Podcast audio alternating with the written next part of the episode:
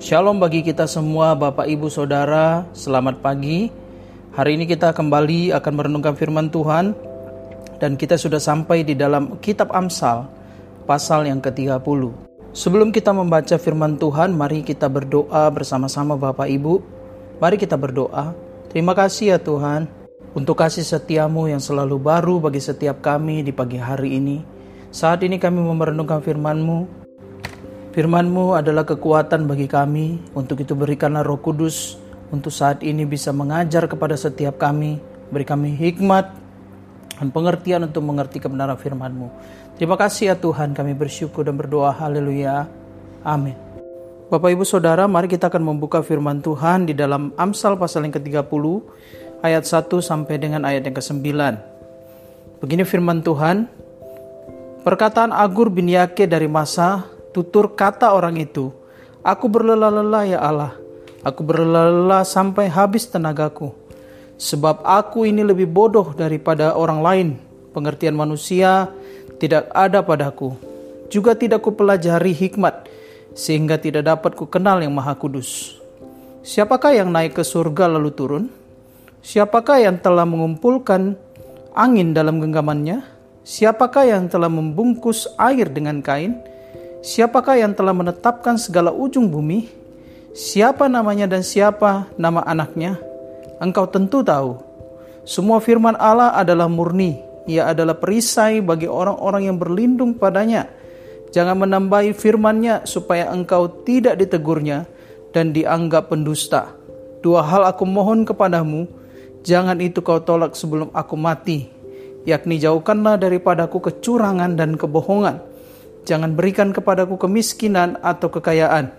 Biarkanlah aku menikmati makanan yang menjadi bagianku, supaya kalau aku kenyang, aku tidak menyangkalmu dan berkata siapa Tuhan itu? Atau kalau aku miskin, aku mencuri dan mencemarkan nama Allahku. Bapak Ibu Saudara, penulis daripada ayat ini atau daripada pasal ini disebutkan di dalam ayat pertama yaitu Agur bin Yake. Siapa Agur bin Yake ini tidak jelas, tidak ada yang mengetahuinya. Bahkan beberapa penafsir pun ada banyak yang meragukan uh, siapa sebenarnya Agur bin Yake ini.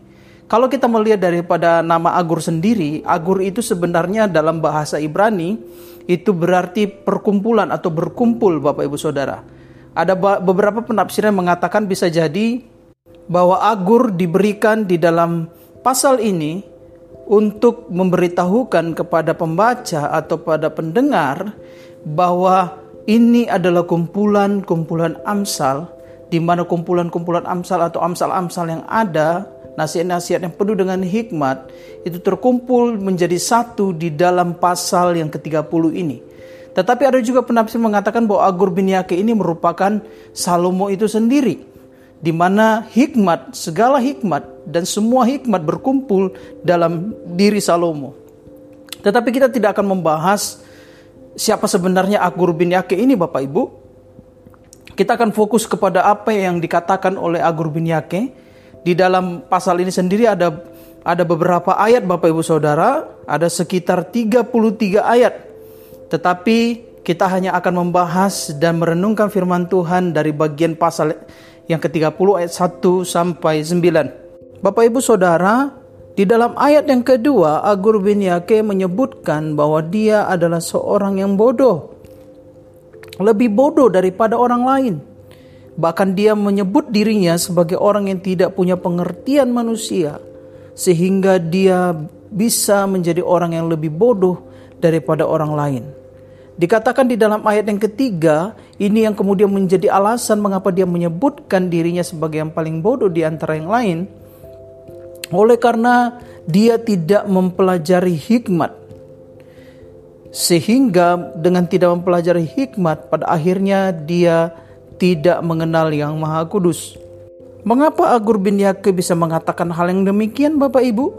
Oleh karena pada ayat yang keempat dia memberitahukan Siapa yang naik ke surga lalu turun? Siapa yang mengumpulkan angin dalam genggamannya?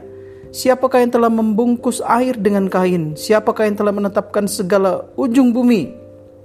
Siapa namanya dan siapa nama anaknya?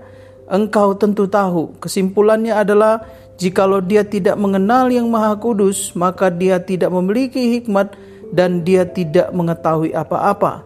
Karena di dalam ayat yang kelima dia mengatakan dengan jelas semua firman Allah adalah murni. Jadi ayat yang kedua sampai dengan ayat yang keempat merupakan perkataan Agur bin Yake untuk meyakinkan kepada para pembaca, para pendengar dan bahkan dirinya sendiri bahwa jikalau mereka ingin memiliki hikmat, mereka harus mempelajari hikmat itu, yaitu adalah firman Allah yang murni. Bahkan dia mengatakan bahwa firman Allah itu adalah perisai bagi orang-orang yang berlindung padanya. Dan dia mem memperingati setiap orang untuk tidak menambahi firman Allah. Supaya kita tidak dianggap sebagai pendusta. Bapak Ibu dalam bagian pertama ini yang bisa kita renungkan dari perkataan Agur bin Yake adalah bahwa hikmat itu berasal dari Allah dan hikmat itu bisa kita temukan melalui firman Allah yang murni Bapak Ibu Saudara. Kita tidak perlu mencari hikmat-hikmat yang dari luar Bapak Ibu. Tidak perlu mencari hikmat-hikmat yang berasal dari orang-orang lain Bapak Ibu. Yang tidak berasal dari Allah. Apakah benar Agur bin Yaki ini adalah merupakan seorang yang lebih bodoh daripada yang lain? Saya yakin bukan itu maksudnya. Saya yakin bukan berarti dia bukan orang yang terpelajar, bukan berarti dia tidak memiliki hikmat, bukan berarti dia orang yang bodoh dengan sebenar-benarnya. Tetapi Agur bin Yak ingin menggambarkan dirinya kalau dia tidak memiliki firman, kalau dia tidak mempelajari firman Allah yang murni itu, maka dia lebih bodoh daripada semua orang. Oleh karena firman Allah adalah penuntun, oleh karena firman Allah lah dia mengetahui segala sesuatu.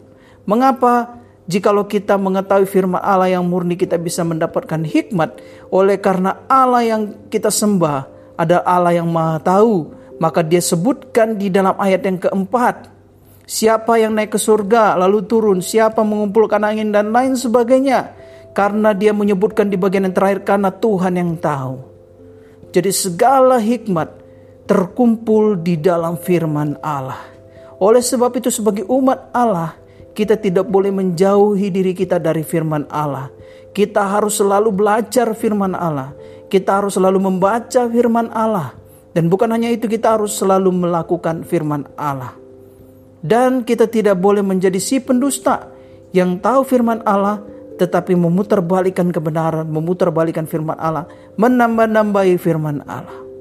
Oleh sebab itu kita butuh Roh Kudus untuk mengajar kita sehingga ketika kita membaca merenungkan firman Allah, kita mengerti maksud Tuhan yang sebenar-benarnya. Bapak Ibu Saudara, di bagian yang kedua kita akan merenungkan apa yang dikatakan oleh Agur bin Yake ini Bapak Ibu. Di dalam ayat yang ketujuh, dikatakan dua hal aku mohon kepadamu. Jangan itu kau tolak sebelum aku mati, yakni jauhkanlah daripadaku kecurangan dan kebohongan. Jangan berikan kepadaku kemiskinan atau kekayaan. Biarkanlah aku menikmati makanan yang menjadi bagianku pada bagian kedua ini kita akan mempelajari hal yang begitu menarik dari apa yang dikatakan oleh Agur bin Yake ini. Di bagian kedua ini Agur bin Yake berdoa kepada Allah. Dia memohonkan permohonan di di hadapan Allah melalui doanya dan doanya itu sangat menarik. Adalah doa yang mungkin tidak pernah disebutkan atau didoakan oleh orang-orang yang rajin berdoa sekalipun. Dikatakan begini bahwa dia meminta dua hal sebelum dia mati. Yang pertama adalah jangan jauhkanlah daripadaku kecurangan dan kebohongan. Ini adalah doa yang biasa yang disebutkan yang kita sering sebutkan bahwa kita ingin menjauhi diri kita, kita ingin Tuhan menolong kita untuk jauh daripada kecurangan dan kebohongan. Tetapi di bagian yang selanjutnya ini yang sangat menarik. Dia mengatakan jangan berikan kepadaku kemiskinan. Tentu tidak ada satupun di antara kita yang berdoa supaya kita menjadi miskin, bukan? Pasti kita akan berdoa Tuhan kalau bisa jauhkan daripada aku kemiskinan. Jangan aku menjadi miskin. Tetapi sebaliknya biarlah aku menjadi kaya yang diberkati. Tetapi Agur bin Yaki tidak berdoa demikian. Dia mengatakan jangan berikan kepadaku kemiskinan atau kekayaan. Biarkanlah aku menikmati makanan yang menjadi bagianku. Artinya apa? Bahwa Agur bin Yake berharap di dalam doanya bahwa Tuhan memberikan kepadanya segala sesuatu yang cukup. Dia tidak mau miskin dan dia tidak mau juga menjadi kaya. Oleh sebab apa dia tidak mau menjadi kaya? Nanti kita akan melihat di dalam ayat selanjutnya dia jelaskan Bapak Ibu Saudara. Jikalau orang menjadi miskin, orang akan menghujat Allah, akan mengatakan bahwa Allah tidak Allah, tidak ada. Mungkin juga dia akan tidak mempercayai Allah. Mungkin juga dia tidak ada waktu untuk beribadah karena sibuk bekerja supaya bisa menjadi kaya. Tetapi sebaliknya kalau orang menjadi kaya, terlalu kaya, dia juga akan menganggap bahwa Allah itu tidak ada, tidak butuh Allah lagi. Dia akan menganggap bahwa segala sesuatu selain daripada uang tidaklah penting Bapak Ibu. Untuk itu Agur bin Yake tahu begitu baik dengan baik apa yang ada di dalam hati dan pikiran manusia. Maka dia butuh hikmat daripada Allah. Dia butuh firman Allah untuk memurnikan jalan-jalannya motivasi dalam hati dan pikirannya. Mengapa dia tidak boleh dia tidak mau menjadi kaya atau miskin?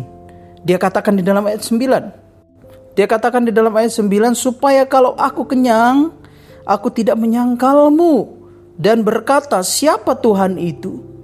Jadi Agur penyakit sangat tahu betul bahwa hati manusia itu mudah sekali berpaling dari Allah ketika dia hidup dalam zona nyaman ketika dia menjadi kaya, ketika dia menjadi kenyang, akan mudah menyangkal Tuhan. Dia akan menganggap bahwa segala sesuatu yang dia punya itu berasal dari dirinya sendiri, dari usahanya sendiri, sehingga mungkin tanpa dia sadari dia mengatakan, "Siapa Tuhan itu?" Seolah dia tidak butuh Tuhan lagi. Lalu kemudian dia mengatakan, "Jangan menjadi miskin juga." Mengapa? Karena dia katakan atau kalau aku miskin, aku mencuri dan mencemarkan nama Allahku. Kalau dia menjadi miskin, dia akan mencemarkan nama Tuhan.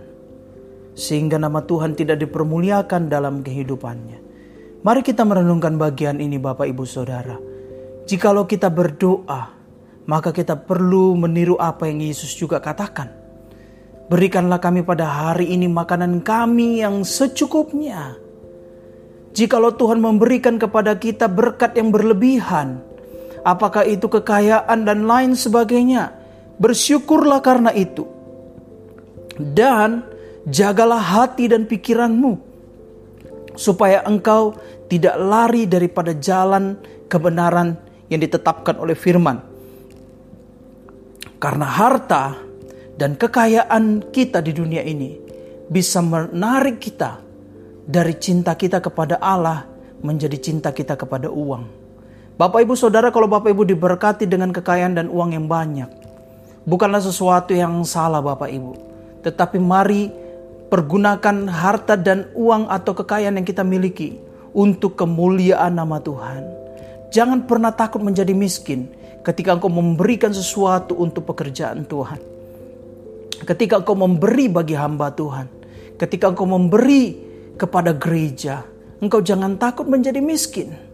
Karena Tuhan menjamin setiap orang yang memberi akan diberi berkali-kali lipat. Tuhan akan memberkati hidupnya, memberkati anak cucunya. Dan anak cucunya akan mewarisi bumi, mewarisi negeri di mana anak cucunya berada. Amin Bapak Ibu Saudara. Mari untuk mengakhiri renungan ini saya mengajak kita kembali berdoa. Terima kasih ya Tuhan untuk kebaikanmu, untuk firman-Mu yang boleh kami dengar pagi hari ini. Kami bersyukur dan bersuka cita karena kami diingatkan bahwa firman-Mu yang murni adalah sumber hikmat sehingga kami tidak menjadi bodoh dalam kehidupan ini.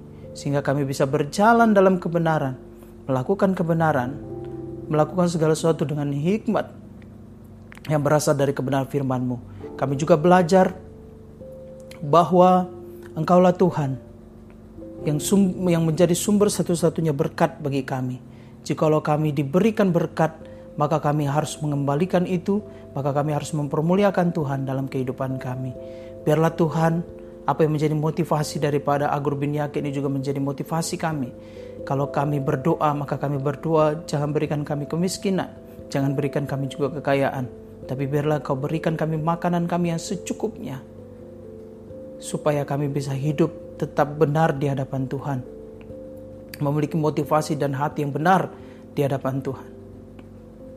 Pujilah namamu dalam nama Tuhan Yesus. Haleluya. Amin.